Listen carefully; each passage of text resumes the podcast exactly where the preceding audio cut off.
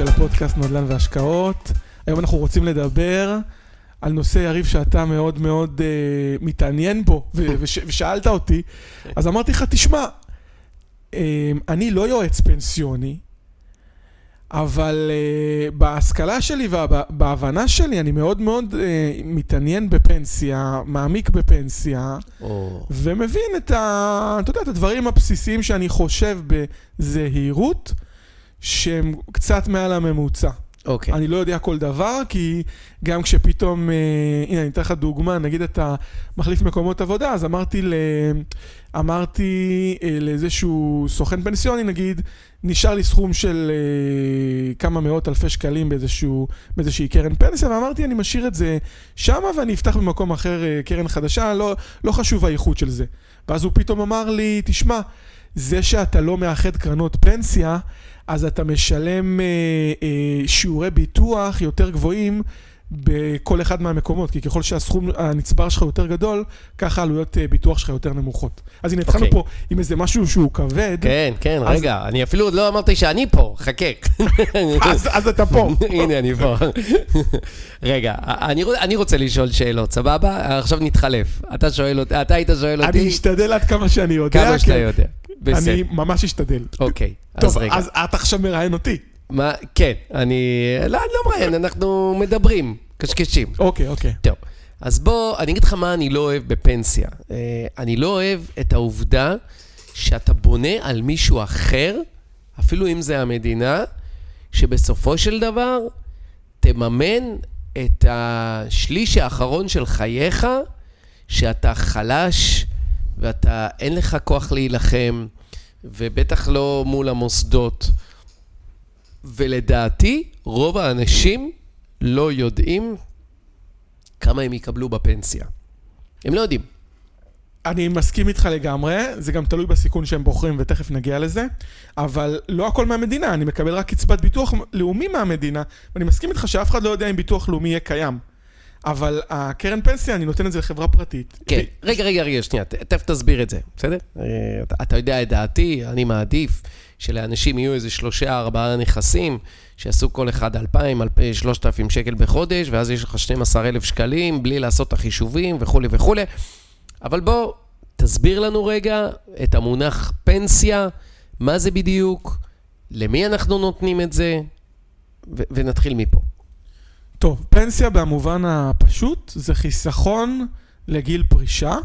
זה חיסכון שמופרש מהמשכורת שלי כשכיר או כעצמאי שהמדינה מחייבת, אגב, גם את העצמאים להפקיד סכום מסוים לפנסיה. כמה זה הסכום?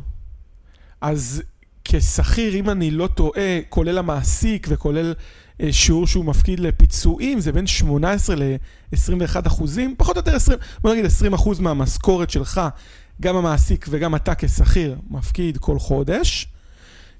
הכסף הזה עולה, הולך ומושקע בשוק ההון, שנגיד, נגיד עוד משהו חשוב לגבי פנסיה, שבפנסיה 30% אחוז מהכספים הם באגרות חוב מיועדות, זאת אומרת, אגרות חוב של הממשלה, ו-70 אחוז הם מושקעים ב, בדרך כלל בשוק ההון, גם בנכסים אלטרנטיביים, אגב, לפעמים גם בנדל"ן. כן. ואני מצפה לקבל תשואה של, על פי חישובים של משרד האוצר, לפחות 4 אחוזים בשנה. לפחות, שזה, בשנים האחרונות זה 8 ו-9, 10 אחוזים אפילו, ב- במנהלי השקעות שהם טובים. ואם ת, תגלגל את הכסף הזה, את כל ההפקדות האלה, לאורך שנים, בתשואה של בין 4, נכון שיש גם שנים שמפסידים, ל-10 אחוזים, אולי אפילו יש מישהו שמצליח להשיג יותר, אז הכסף הזה נהנה מריבית דריבית, ועושה לך תשואה בדיוק כמו בבית. אוקיי. מה- מה ההבדל? יפה. ככה, אז, אז קודם נחדד, הכסף הזה הולך למגדל, מנורה, כלל, נכון? אלה, אלה החברות אה, שיכול, ביטוח? שהם עושים את העבודה שלהם, הם, הם, הם עושים את המקסימום כדי שתקבל את התשואה, כן. כי יש שם אגב בזה הרבה מאוד תחרות היום. כל הזמן פרסומות על פנסיה. פעם זה לא היה, לא היו פרסומות על פנסיה. כן. עכשיו, הכסף הזה בעצם הולך, ואני כל חיי בעצם אה, מפקיד כסף, נכון? אני והמעביד שלי. אתה נותן את הכסף שלך לניהול חיצוני, ניהול חיצוני של מנהלי השקעות, שהם אה, מנהלי השקעות שהם מקצוענים. יופי, בוא רגע נמשיך. עכשיו, אותו, אותה מנורה, אותו מגדל או כלל, באים את הכסף הזה והם משקיעים אותו, נכון? הם משקיעים אותו. הם משקיעים אותו בשוק ההון, כשאנחנו מדברים על פנסיה כקרן פנסיה ולא על ביטוח מנהלים, שאולי בהמשך אם אין לנו זמן ניכנס לזה, קרן פנסיה, בפועל הם צריכים להשקיע 70% מהכספים, כ-30% זה אג"ח מיועדות וזה מנגנון אוטומטי. יופי. עכשיו, בעצם, אם אני אמשיך רגע עוד שלב אחד בשרשרת. נניח עכשיו שאני יצחק תשובה, ואני חושב שיש פה מאגר נפט. אני בעצם בא למוסדים, נכון? זה הם? זה הם? כן, הם גופים מוסדיים, הם יושבים על, מוסדיים, על יופי. מיליארדי שקלים, אפילו על מאות, מיליארד, הרים של כסף. מאות מיליארדי שקלים. נכון. ואז הוא בא ואומר להם, תשמעו, אני חושב שיש לי פה נפט. תביאו לי, נניח, הוא מוציא מהם מיליארד שקל. בסדר? מכולנו בעצם. כן, אבל אתה יודע, הם עושים את הבדיקות שלהם, אף אחד היום לא, לא פראייר. הכל בסדר, אני לא... רגע, אתה כל כך מגן עליהם בחרף...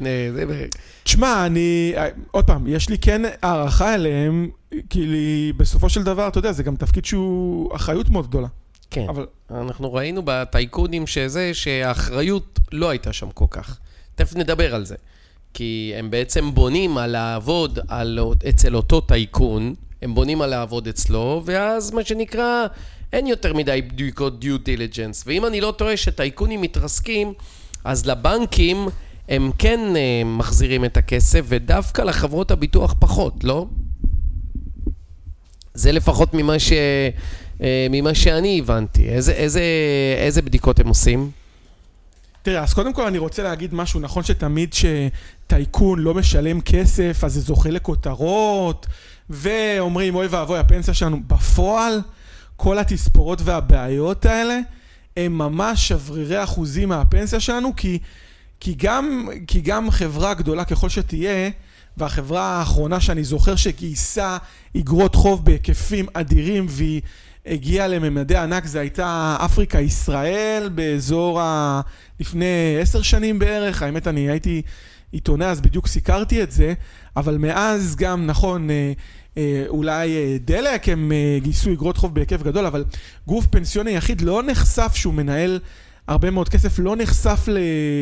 לסיכון, לסיכון ספציפי של אה, לווה בודד בצורה, בהיקף כזה גדול שהוא יכול לגרום הפסדי עתק בפנסיה, כמו שגם בבתים אנשים אה, לפעמים מפסידים. לפעמים מישהו קונה בית, ומתוך עשרה, אחד מתוך עשרה בתים, הוא, הוא יסתיים בהפסד, זה גם יכול לקרות. כן, עכשיו, מה, מה קורה אם אותו טייקון לא מחזיר את הכסף? אז אה, יש תהליך שנקרא הסדר חוב, ולמשל אה, נבית לו 100 מיליון שקל. אגב, גם הסדר חוב לא קורה מיד, הוא נגיד שילם אה, קופון ריבית על אותו חלק יחסי מתוך הפנסיה שלכם, שזה לפעמים, בדרך כלל, בוא נגיד גג אחוז שלם, אז הוא פתאום אומר למוסדיים, תקשיבו, לא יכול להחזיר לכם 100 מיליון שקל, אני יכול להחזיר עכשיו 50 מיליון, ו-50 מיליון הבאים זה עוד 10 שנים, סתם דוגמה. זה תהליך שנקרא תספורת. הבנתי, אוקיי. ואם הוא לא מחזיר, מה, מה, קורה, מה קורה לכסף שלי? במה הוא נפגע? אם הוא לא מחזיר, בכלום? אם, זה, אם הוא לא מחזיר, לא מחזיר כלום. לקח נניח- מיליארד, לא החזיר. נניח עד היום לא החזיר, לא החזיר אפילו, תראה, מ- מעט מאוד מקרים יש שלא מחזירים שום מה דבר. מאוד מקרים? עכשיו היה את פישמן. תראה, לגבי פישמן, רוב מי שספג את המכה זה הבנקים. זה הבנקים. בסדר, אז מה, עדיין היה כמה איזה מיליארד שקל. אגב, שגם פה הציבור מפסיד, כי אם הבנקים מפסידים, נכון, והציבור מושקע במניות של הבנקים, גם הציבור מפסיד. נכון. אמ, אוקיי, בכל מקרה מישהו מפסיד, אבל שוב, ה- ה- אבל כמה זה יורד לי? כמה, כמה, כמה אני, אני זה שמפקיד את ה-2,000 שקל בחודש, כמה הפסדתי? אני עוד פעם, אני חושב, ואני אני לא רוצה להתייחס לקרן ספציפית, כי אולי מי, קרן, אפילו יש אנשים שמשקיעים בקרן נאמנות, אז אולי הקרן נאמנות הזאת, 10% מהקרן נגיד היו בהלוואות שהייתה בגינן תספורת, אז באותה קרן נאמנות הם יפסידו יותר. אבל אם אנחנו מדברים על קרן פנסיה, בקרן פנסיה ניהול הסיכונים הרבה יותר שמרני והרבה יותר מפוזר. ומצב שבו אתה בשנה בודדת אתה תפסיד בגלל שבקרן פנסיה היו השקעות באגרות חוב של טייקונים, הוא מאוד מאוד נמוך, ו, וה, והמנהל שיעשה את אותה טעות אם הוא פישל, כנראה שהוא לא יעבוד שם יותר. כי התחרות היא באמת רצחנית, הם... הם אה, אה, אה, רגע, אני לא מבין, אה, שוהם. איך, איך אתה יכול לבוא ולהגיד שאם עכשיו אותו מגדל מנורה כלל נתנו 500 מיליון מ- למישהו, וה-500 מיליון האלה לא יחזרו, זה לא ישפיע על איש כמהומה, למעט ההוא שנתן את הכסף שכנראה ילך הביתה.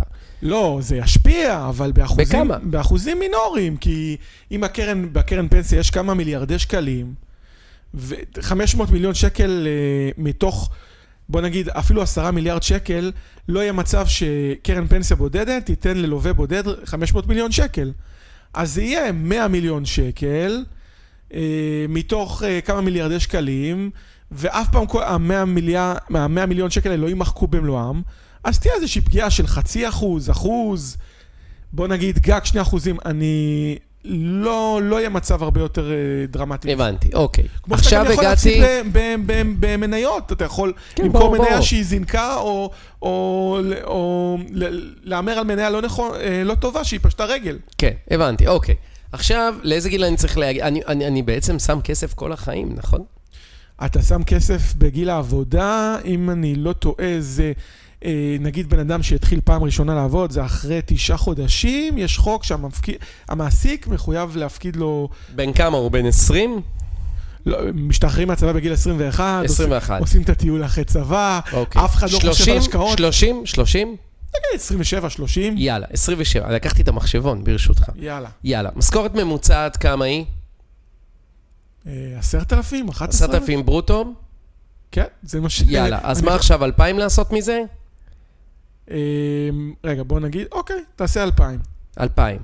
רגע, אבל זה קצת לא הגיוני שמישהו בגיל 60 ירוויח משכורת ממוצעת. הרי אתה עולה בדרגות, אתה אמור להרוויח יותר. כן, אבל אז אנחנו מאבדים את הפשטות, וגם מצד שני, בגיל 60 הוא פתאום הופך להיות לפעמים מאבטח ושומר וגם יורד לשכר מינימום. אז בוא, בוא נגיד, בוא נעשה, אז כאילו נעשה לפי בוא הממוצע? נעשה את המינימום. לא, איך את המינימום? מ- לא, לפי מה, הס- כל החיים הוא ירוויח מינימום? לא, לא, לא, לא, לפי עשרת אלפים. אני אומר, בוא ניקח הנחה של מינימום וניקח גם אחרי זה מקסימום, ואחר כך אה, נתחיל לרוץ ונראה מה קורה. טוב. אז מה, אז מה עושים? 2,000 שקל, כפול 12 חודשים, נכון. 24,000 שקלים בשנה. יופי. זה עושה מגיל 27. עד איזה גיל? עד גיל 67 שפורשים. 40 שנה. רק דבר אחד, אתה לא תוכל לחשב את זה בצורה... מיליון שקל. אתה לא תוכל לש... לחשב את זה בצורה נכונה, כי יש פה איזשהו חישוב מימ- מימוני של סדרה הנדסית שצוברת תשואה. אנחנו לא כן, נסב- בסדר, בוא, לא עזוב, נסבך זה לא שיעור כלכלה. לא, לא, נכון, אבל, אבל זה מאוד מאוד קריטי, כי זה המיליון האלה יצמחו למיליון וחצי או שני מיליון עם השנים. כי כאילו זה ריבית דריבית? כן. הבנתי, אוקיי. לא, לא משנה, אני מסתכל כמה כסף אתה שם. אוקיי, שמתי, במינימום יהיה לך, מיליון שקל. הגעת למיליון שקל. כן, וזה אם אני מרוויח משכורת ממוצעת כל חיי. נכון, אבל בוא, אבל בוא נגיד שיש גם אנשים מוצלחים שהם גם עובדים נו, בהייטק. אז הם ישימו הרבה יותר ממיליון. נכון, אבל בוא נתחיל כרגע במיליון. יופי. אז בוא, בוא תראה, הם שמים מיליון שקל, בסדר? מתי הם יוצאים לפנסיה? 67, 67. עד, מה הגיל הממוצע שחיים? בעזרת השם 83. לא, אתה- הממוצע. אתה שואל, אחוז... שואל לא. מה תוחלת החיים? מה? תוחלת החיים? באזור הנשים חיות יותר, אגב. כן. בוא נגיד 80 או 77, 80. אני לא... אני- 80 אני לא בדקתי. עד 67, נכון? אוקיי. וגם רגע, נזכיר- רגע, רגע, רגע, רגע, רגע, שנייה, אל תשים פה עוד נתונים, שנייה. עכשיו, נתתי לביטוח מיליון שקל. כמה הם יחזירו לי? שוב, אתה, אתה מרוויח על זה תשואה עם השנים.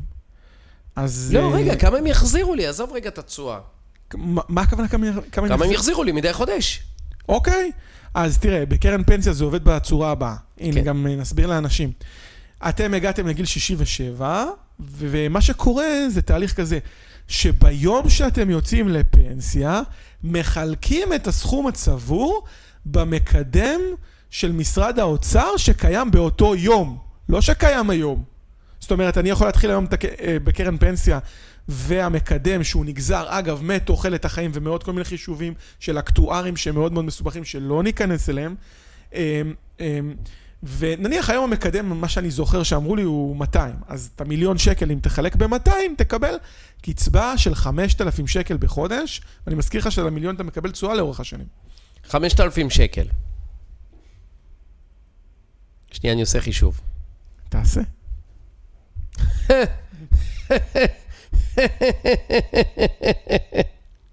טוב, תקשיב את החישוב שאני עושה. מקשיב. אני אקבל 5,000 שקל בחודש, נכון? כן, כמו שאמר, אם, אם צברת מיליון ואנחנו מורידים את התשואה, אנחנו לא מחשיבים כרגע את התשואה, אז אתה תקבל 5,000 שקל בחודש, כן. יופי. כפול 12 חודשים, שנה. אוקיי, נכון? 60 אלף שקל. יופי. כמה זמן נחיה? 13 שנה. כן, אבל אל תשכח שבקרן פנסיה, הקצבה שלך מובטחת כל אתה נשאר בחיים, זאת אומרת, אם... בסדר, אבל אנחנו אמרנו, גיל ממוצע, מתים ממוצע. אוקיי. בסדר? אבל, אבל אל תשכח, אבל תוחלת החיים. היתרון בפנסיה זה שאם תישאר לחיות עד גיל 120 וגם 150... בסדר, אבל אני כנראה לא אשאר. אני מאחל לך שכן. אני מאחל לי שכן, גם אני רוצה שכן, אבל, אבל התוחלת החיים מגיל 80, עשינו את החישוב. אוקיי, אוקיי. בסדר? 13 שנה. כפול 13 שנה. אתה יודע למה צחקתי? כי יצא לי פחות ממה ששמתי. שמתי מיליון, יצא לי 800 אלף, איך זה הגיוני? אני אגיד לך איך זה הגיוני, כי החברה, הקרן פנסיה לוקחת אה, מקדם שהוא אה, בא לפצות אותה, הרי אמרנו שהתוחלת היא נגיד באזור ה-80, אני לא זוכר אותה במדויק, אבל אל תשכח שיש לך נשים שחיות יותר שנים. לא משנה, עשינו ממוצע. אוקיי, אז על כל האנשים האלה שיחיו יותר, ועל מקרים למשל של, לא עלינו, על... מה אתה רוצה, לתת להם עוד שנתיים? יאללה, עוד 100 אלף רגע, שקל. דקה, על אלמנות ויתומים וכל מיני אנשים ש... שה... או כל מיני מקרי מוות. שמשלמים למשפחה, וזה קורה הרבה בגיל יותר מוקדם, בכל מיני חישובים שלא ניכנס אליהם. אה, מהסיבה הזאת לוקחים, אה, אתה יודע, מרווח, אה, לוקחים. אתה לא מקבל, אתה מק... המקדם קצבה הוא מקדם שלוקח בחשבון את כל הסיכונים האלה והוא ה... הוא הממוצע. אז יכול להיות שתקבל את כל הכסף שלך ויכול להיות שלא, אבל רגע, עוד משהו אחד. גם נשאר לאלמנה, אחרי שאתה נפטר, בקרן פנסיה, אני לא זוכר בכמה זה, זה נדמה לי 40 אחוז, משהו כזה, שהיא מקבלת, ואם יש ילדים, אז גם הם אה, מקבלים. עד איזה גיל? ילדים עד גיל 21. אה, לגבי אלמנה, אני לא, אני לא בטוח מה, מה הכללים, אבל... טוב. תראה, בוא, בוא, בוא רגע נחשוב על עצמנו ולא על המשפחה, תכף אני אגיד לך למה. לא בגלל שאני אגואיסט שחושב על עצמי, בשביל שאתן לך רגע דוגמה הפוכה, בסדר? תראה, עשינו פה חישוב מאוד מאוד פשוט של אדם שצובר פנסיה, הוא מרוויח מרו- משכורת ממוצעת, והוא חי בתוחלת חיים ממוצעת. כן, זה אבל אומר... אל תשכח שאתה שכחת גם את את התשואה ה- שהוא... את התשואה. סבבה. אז זה יכול להיות מיליון וחצי. מה יכול- זה משנה? יכול להיות גם שני מיליון אבל. מה? לך הפריע ששמת 2,000 שקל בחודש, ובסוף לא קיבלת את זה, אבל אתה מקבל גם תשואה, כמו שבבית אני אגיד לך, טוב, יריב, תוריד את התשואה. זה... אתה- לא, רגע, רגע, אז בוא נשים את התשואה. כמה התשואה תהיה? שמתי מיליון, כמה היא תהיה? אז מיליון אמרתי לך וחצי? שקצת מורכב לי לחשב את זה, אבל אני יכול להגיד לך שזה גם, אם אתה השקעת את כל הכסף... רגע, ואז אני שנייה, לא אקבל בסי- חמש שנייה. בחודש, אני אקבל יותר? כן, כי זה יגיע לשני מיליון. אין בעיה. לא, זה לא יגיע לשני מיליון. למה? כי מה, אתה מכפיל את הכסף שלך? כן, אבל ב-40 שנה. שיש לך משקולות, שחלק זה ב-20 שנה הראשונות, שהם צוברים תשואה. נכון, חלק מהכסף שמת ב-20 שנה, 20 השנים הראשונות, אז ב-20 שנים האלה הכסף יצבור עוד תשואה, ולאחר 20 שנה, כן, הסכומים שעשית, אתה רוצה נעשה מיליון וחצי במקום 950? אפילו 2 מיליון. שני מיליון. טוב, אז כמה אני אקבל בחודש? 2 מיליון, אז תכפיל את זה, קל. נו, תגיד לי. אז אמרנו, זה כבר לא 5,000, זה 10,000 שקל בחודש. עשרת אלפים שקל. אגב, גם הסכום הזה הוא ברוטו, כי יש ממנו כל מיני... יורד גם מס? אני, יש כל מיני חישובי מס, תלוי כמה אתה הרווחת, מה המצב שלך, מה... יש, אה, כן, זה כמו... נו, נו, עשרת אלפים, לא טוב? מיליון וחצי שקל, זה מה שתקבל. יהיה לך, אוקיי, יהיה לך מיליון וחצי, יופי. נו, יהיה לך מיליון וחצי שקל. שמת מיליון, 960, נו, עשו לך מיל... חצי 500 אלף, ואתה מקבל אותם בחזרה. כאילו הרווחת את, את התשואה במהלך השנים, וחיית עד גיל 80. בוא, שוהם, אתה רוצה שאני אגיד לך, אני אגיע לקיצור? נו, נו. יופי. בוא, אני, עכשיו, אז עשינו עד עכשיו את החישוב שאתה שולט בו? שולט, אתה יודע, ב- ברמה קצת מעל הממוצע. מדיום רר. מדיום רר, לא, אני בערך. אמרתי מראש שזה לא המקצוע שלי, אני לא... לא משנה, אבל לא היינו בכיוון. כן. יופי. תקשיב, תאר, עשינו פה חישוב של מישהו במשך 40 שנה. 40 שנה. בוא רגע נלך אחורה 40 שנה בנדלן. בסדר? בוא נלך אחורה 40 שנה בנדלן, כי אנחנו יכולים לנתח מה היה בעבר ומה היום, לא מה יהיה עוד 40 שנה. וגם יש לנו את המחקר שהזכרנו אותו באחד הפרקים, שהנדל"ן נתן תשואה יותר טובה משאר האפיקים המניות. ברור, ברור שזה ככה. אבל תקשיב, אחי. כל נכס שקנית אותו לפני 40 שנה, אתה יודע מה זה אומר? זה מטורף. תקשיב, לפני 40 שנה היה לירות. לירות. אם שמת מיליון שקל, אם שמת מיליון שקל בנכס, קודם כל יכלת לקנות נכס בשלושה מיליון, כי היה מימון. אתה איתי? אוקיי, יופי. שמת מיליון שקל, בוא נדבר רגע על הרווח ההוני. בסדר? אוקיי. יופי. אז המיליון שלך, השלושה מיליון שלך, שווים היום בערך 20? אתה יודע מה זה מיליון שקל לפני 40 שנה? אז אתה אומר שהמיליון שווה 20 מיליון ש... לא. מעל 10 מיליון. מחירי הנדל"ן עלו, תחשוב, רק משנת 2008 יש דירות שעלו פי שלוש. אני מדבר איתך 40 שנה. אנשים היו, תקשיב, אבא שלי קנה דירה בהרצליה ב-100 אלף לירות. הוא מכר את הדירה הזאת, אני לא יודע עכשיו לעשות את ההמרה מלירות לזה, הוא מכר אני גם עכשיו... לא, זה בסדר. אוקיי, הוא מכר עכשיו את הדירה בשלושה מיליון. ו- ואין סיכוי שהמאה אלף היה המיליון של פעם. אוקיי, אבל אתה מדבר פה על עשור שמחירי הנדל"ן או, התפוצצו, הנה, הנה, אני ירדה. חולה עליך, רגע, אני חולה על זה. רגע, כן. מי ידע... אתה לה- יודע מה שנייה, יקרה שנייה, בעוד שנייה, 40 שנייה. שנה שנעשה את הפודקאסט הזה? עצור. אתה תגיד לי כמה 40 שנה קודם האחרונות כל- היו קודם כל, כאלה. אגב, אני אאתגר אותך ולא בטוח בכלל, ותכף אני אגיד לך כמה דברים. שאל תשכח שקרה משבר מטורף של 2008, שאנחנו כבר דיברנו עליו, ב... מה זה משנה? כי, כי, מה זה משנה כי במהלך השנים מה המשבר הזה קרה? ריסק את כל הריביות, מה זה משנה? ושינה את לא, לא, לא, לא, כל... לא. תקשיב, תקשיב. כן, אבל מי ידע לחזות את זה לפני? תקשיב. מי ידע? אנחנו, קודם כל, מסתכלים על מחירי הנדל"ן במהלך השנים. היו שנים שמחירי הנדל"ן ירדו בשנות ה-90, והיו מח- שמחירי מחירי הנדל"ן עלו. זה לא רלוונטי. זה בדיוק כמו שהיו שנים טובות בפנסיה ושנים לא טובות בפנסיה. אבל זה לא אותו דבר, אני אגיד לך למה. כי אתה בעצמך יודע שמ-2008, במיוחד בישראל, הכל התפוצץ בצורה בלתי רגילה. ויותר מזה, גם היה לנו... זה לא רלוונטי, כי אני אומר לך שבעוד כל 40 המשכורות שנה זה יהיה שוב. וגם כל המשכורות פה על... תראה, אני אומר לך, גם אם אתה מדבר על אנשים שהם עתידנים והם מומחים, אף אחד לא יודע מה יקרה. יכול להיות לך שנים של אבטלה, ויכול להיות לך... אותו את- דבר, אבל אותו אף אחד, דבר. מקרו-כלכלית, אף אחד לא יודע מה יקרה. לא, לא, תקשיב, תקשיב, תקשיב. אתה יודע, קשה לנהל ככה דיון שאתה אומר לי, מה שהיה לא יהיה, ומה שלא יהיה, אני לא יודע. לא, אמרתי לך, אף אחד לא יודע. לא יודע, בגלל זה ננתח את העבר, מה זה מעניין אותי? גם עוד 40 שנה יהיו דברים נוספים. פתאום יהיו קפיצות במחירים וירידות במחירים, זה לא רלוונטי. כשאתה עושה את הסטטיסטיקה על פני 40 שנה, מה שהיה כנראה זה מה שיהיה. בארצות הברית היה משבר בשנת 2000, סליחה, 1920, משבר בסאב פריים, בדיוק כמו שהיה בשנת 2008. אמ, 1933. נכון, במלחמת העולם. השפל, לא, אוקיי, השפל הכלכלי הגדול, יופי, אותו דבר. זה נקרא The Great Depression. נכון. אוקיי. תמיד הע- העולם הוא מחזורי. מה שהיה זה מה שיהיה. שאני לוקח את ה-40, זה הנקודת ייחוס שיש לי היחידה. אם אני הייתי לוקח מיליון שקל, שהיו בעצם שלושה מיליון יחד עם מימון, כנראה שהיה לי היום עשרה מיליון. עשרה מיליון, לא מיליון וחצי ולא שני מיליון. עשרה מיליון. א', ב', שקניתי את הנכס הזה, כנראה שעשיתי על הנכס הזה במהלך השנים, בקלות, 7-8 אחוז. קבוע.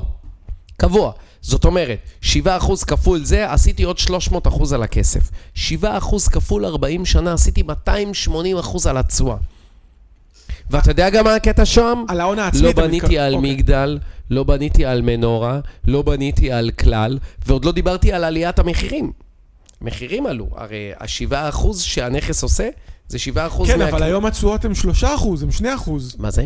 היום התשואות... כן, אבל זה בית שקנית לפי מחיר של 4 שנים, אתה לא עושה את זה ל- 40 שנה. נכון, אין בעיה. נו. אתה מחשב לפי המחיר נכון. אז בשנה הראשונה זה 7%, בשנה השנייה זה 7%, שלישית, שביעית, שמינית, זה 7%. אחרי 20 שנה מחירי הנדל"ן כבר עלו, גם מחירי השכירות עולים, זה כבר יכול לעלות ל-15%, כי אתה עושה חישוב לפי שקנית את הנכס פעם, לא לפי מה שהוא שווה היום. מסכים איתך. נו. אוקיי. אז כנראה עשית הרבה יותר, הרבה, הרבה, הרבה יותר, אם שמת את הכסף בנדל"ן ולא חיכית לפנסיה. ודאגת לעצמך. כן, אבל- אתה יודע עוד מה הקטע אבל, שם? אבל רגע, רגע, רגע, אל תשכח עוד משהו. אני בנדל"ן, בלהט. אתה יכול למנף. בפנסיה, אתה לא יכול נו, זה למנף. מה שאני אומר, קנית נכס בשלושה, מינפת את זה. אין שום בעיה, אבל נכון. גם המינוף הוא לפעמים גם סיכון, אין מה נכון, לעשות. זה- בסדר. אלה החיים. אבל תראה גם איזה יופי, שאתה יודע גם, האלמנה שלך, אמרתי מקודם, עזוב אותה רגע, שזה פחות רלוונטי, האלמנה תמשיך ליהנות מהבית. רגע, אבל... והילדים, ואם הוא הברית, והנכדים, והנינים, והילדים? של הנינים, וזה יהיה לנצח. נכון, זה דירה בישראל, ובארצות הברית יש שם איזושהי סוגיה עם העניין של הירושה. קודם כל, אה, יש מס ירושה של 60% מעל הזה, אבל בוא, זה שאלות כבר שהן נורא מיסויות, ואני לא רוצה להיכנס לזה. אבל בארצות הברית המחירים הם נורא מחזוריים, והם עולים ויורדים, וקצת יותר קשה לעשות את החישוב, כמו בישראל. עזוב את אה, זה. גם אני, שהתחלתי להשקיע בשנת 2008 בזה, אני חייתי בידיעה שכנראה שאני אמות, שבעזרת השם יהיה כמה שיותר רחוק, כנראה בתים בארצות הברית לא יהיו לי. בזמן הזה אני אשחק בארצות הברית. אבל אדם שקונה נכס בישראל, משרד, אה, ח- לא, חנות זה בעיה, אה, אה, אה, קונה אה, זה, הוא יעשה הרבה יותר מהמיליון שקל האלה, במקום לשים את זה בפנסיה, לשים את זה בנכס, הוא יעשה פי כמה מאות מונים מאשר בפנסיה. עכשיו, זה חובה לעשות פנסיה, אני לא אומר שלא, אבל מה שאני כן אומר בעזרת הסיפור הזה, זה שאל תבנו על הפנסיה שלכם, תבנו על עצמכם, על הכוח עבודה שלכם, כדי לקנות נכס בישראל שיניב לכם שאם זה סובארו שנת 80, הפנסיה, אז הנדל"ן זה פרארי שנת 2020.